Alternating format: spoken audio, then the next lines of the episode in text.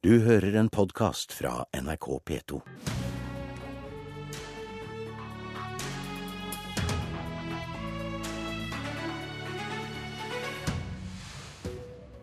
Velkommen til Politisk kvarter, Siv Jensen. Takk for det. Føler du deg mest som en finansminister eller som en partileder? Føler meg nok litt som eh, begge deler, for jeg er både partileder og finansminister. Vil det være riktig å anta at hvis man bruker mye tid på én ting, så går det utover den andre? Ja, det er jo eh, velkjent at eh, sånn er det. Men jeg forsøker jo å bruke mye tid på både å være partileder og på å være finansminister, og det er jo vevd tett sammen. Jeg er finansminister på vegne av Fremskrittspartiet i en koalisjonsregjering. Eh, og alt jeg gjør, handler jo om selvfølgelig først og fremst å sikre at eh, det går bra for norsk økonomi, men å sørge for å ivareta Fremskrittspartiets interesser.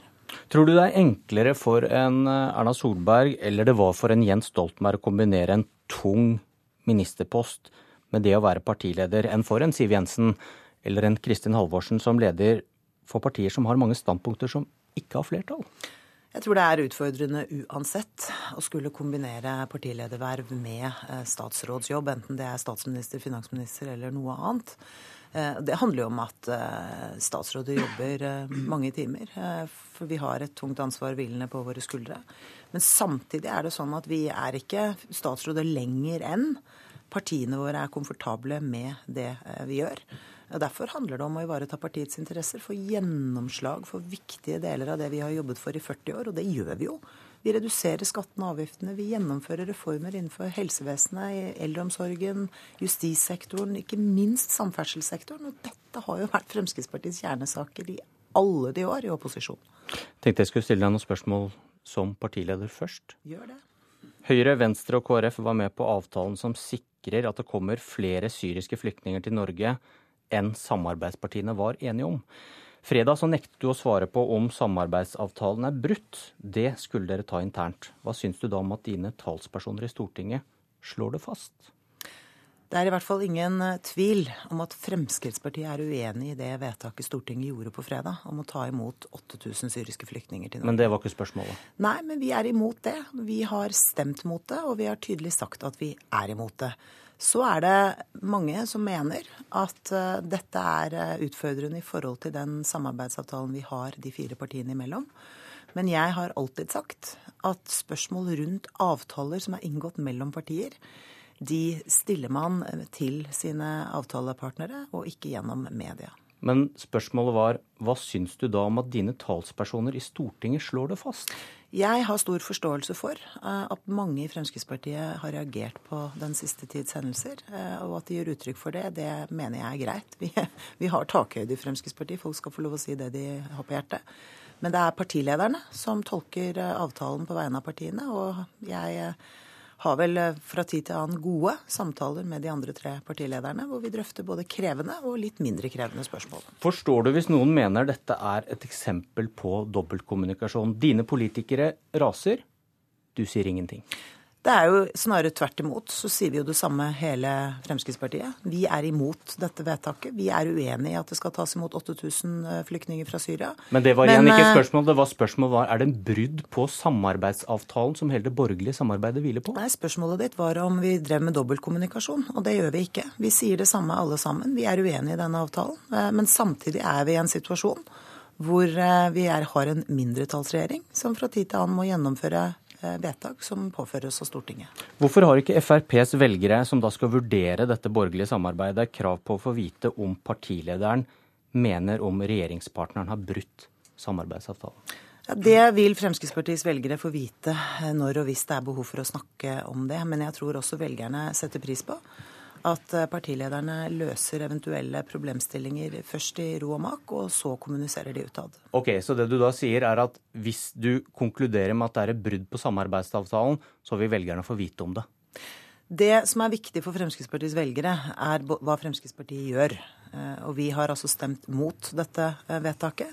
Og vi er veldig tydelige på at mye av det andre vi gjør i regjering, betyr noe. Nemlig den innstrammingen vi nå gjennomfører i andre deler av asyl- og innvandringspolitikken. Og ikke minst at uh, Anders Anundsen nå har rekordtempo i utsendelse av ulovlige innvandrere. Men spørsmålet var sant, om eh, velgerne har krav på å få vite dette, om det var et brudd på samarbeidsavtalen.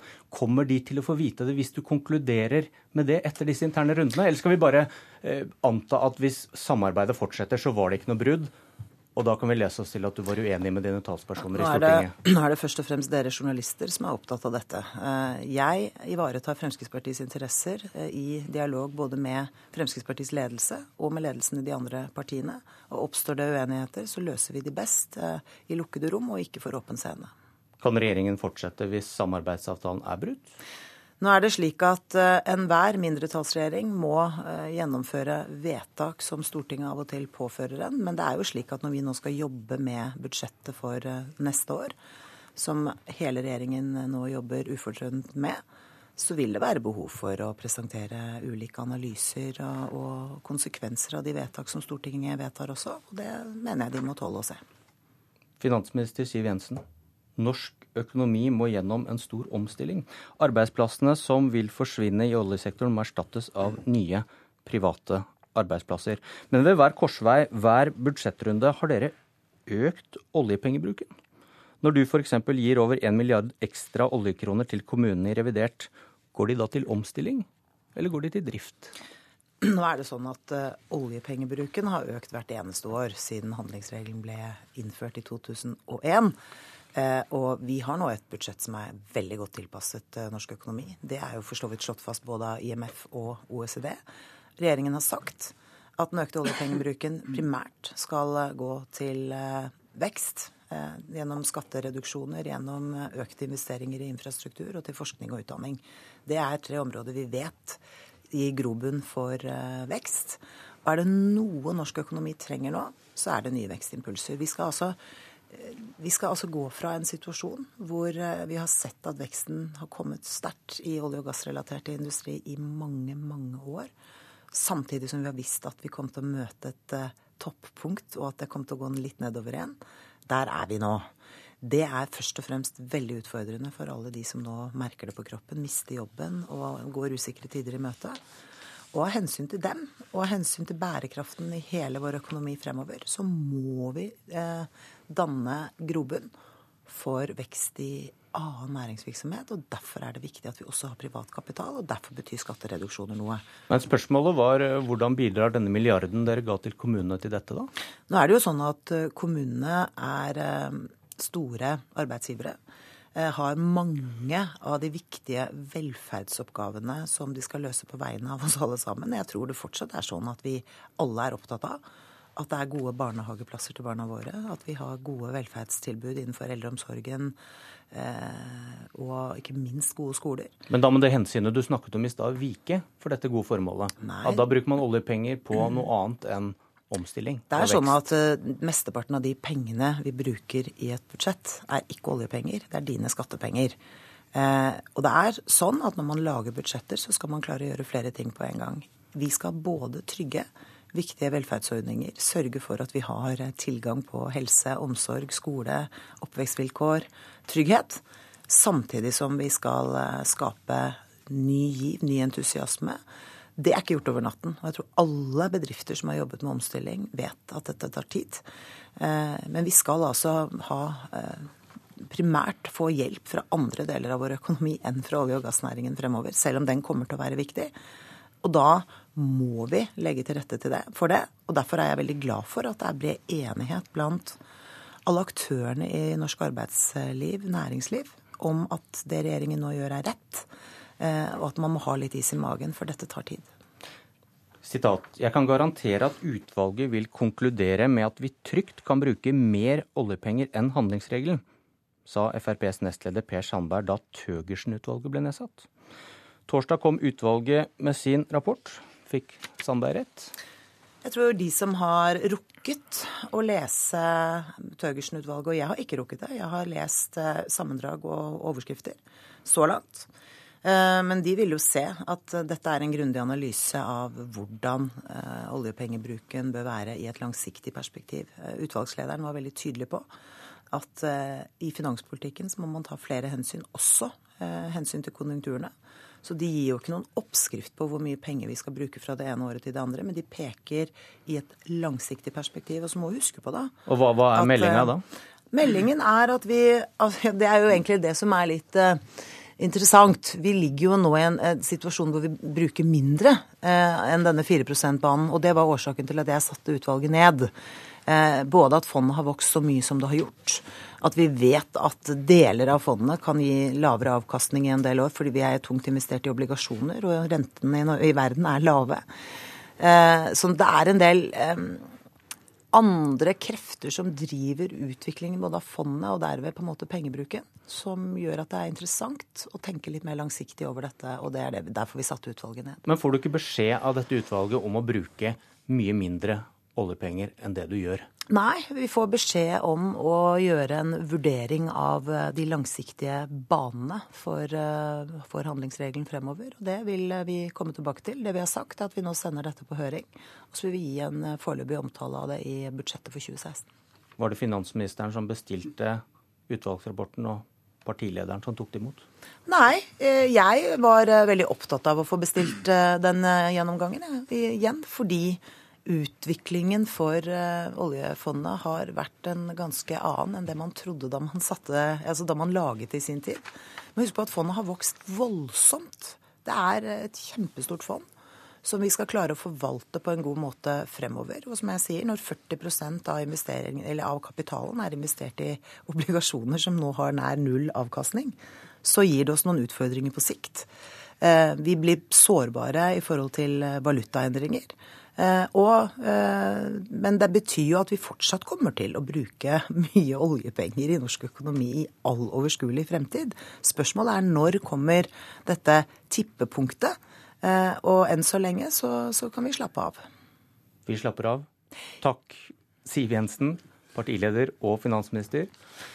Politisk kommentator i NRK, Magnus Takvam. Finansminister og partileder, hvem er den tydeligste Frp-stemmen om dagen? Ja, det er et uh, godt spørsmål. Og uh, den saken du spurte om på det punktet om Syria, illustrerer jo Eller diskusjonen om Syria-flyktninger var en illustrasjon på det. Det er klart at det å være både finansminister og partileder innebærer en delt lojalitet eh, mellom å være lojal overfor regjeringen og det prosjektet det innebærer som finansminister, og eh, partiet og partiorganisasjonen. Og der er det eh, til tider ganske stor konflikt når det gjelder Fremskrittspartiet. F.eks. i denne saken om Syria, der det da eh, er vanskelig for partileder Siv Jensen å si at det som skjedde der, er ikke et brudd på samarbeidsavtalen. Det er klart at hvis eh, den saken hadde vært, etter deres mening, et brudd på samarbeidsavtalen, så ville regjeringsprosjektet ikke kunnet fortsette. Men det henger da i luften, fordi det er så stor, stort skinne og, og, stor motstand i grasrota rundt den avtalen at det er vanskelig for partilederen å på en måte uh, være eksplisitt på det. Så det, det illustrerer, syns jeg i hvert fall, det dilemmaet. Hvordan vurderer du da partiets konklusjon i debatten om uh, Syria-flyktningene? For det første, politisk sett, ut fra FrPs eh, program, så er det veldig forståelig at de ikke ble med på den avtalen. Så det tror jeg alle som fulgte prosessen, skjønner er logisk. Og det kan godt hende at partiet også politisk ja, tjener på det eh, i, øyeblikket. Eh, men det viste jo, mener jeg, en del av den populismen som fremdeles fins i Frp, når man vedtar eh, å gå til folkeavstemning om om saken som en slags indremedisinsk si, behandling av, av eh, problemet for seg selv. Og I forlengelsen av dette, hvordan er forholdet mellom de to regjeringspartiene nå? Jeg tror det er relativt bra på regjeringsplan og på toppen, men eh, i, nede i organisasjonene så er det, er det, spenninger. Men det er klart at eh, konfliktlinjen til sentrumspartiene, og særlig til KrF, mellom Frp og KrF, er den som er mest betent. Der er det skal vi si, stor misnøye i Frp med at, med at KrF liksom presser de gang på gang i, i Stortinget. Så den lever og er, er krevende for, for begge parter. Takk, Magnus Takvam. Dette var Politisk kvarter. Jeg heter Bjørn Myklebust. Du har hørt en podkast fra NRK P2.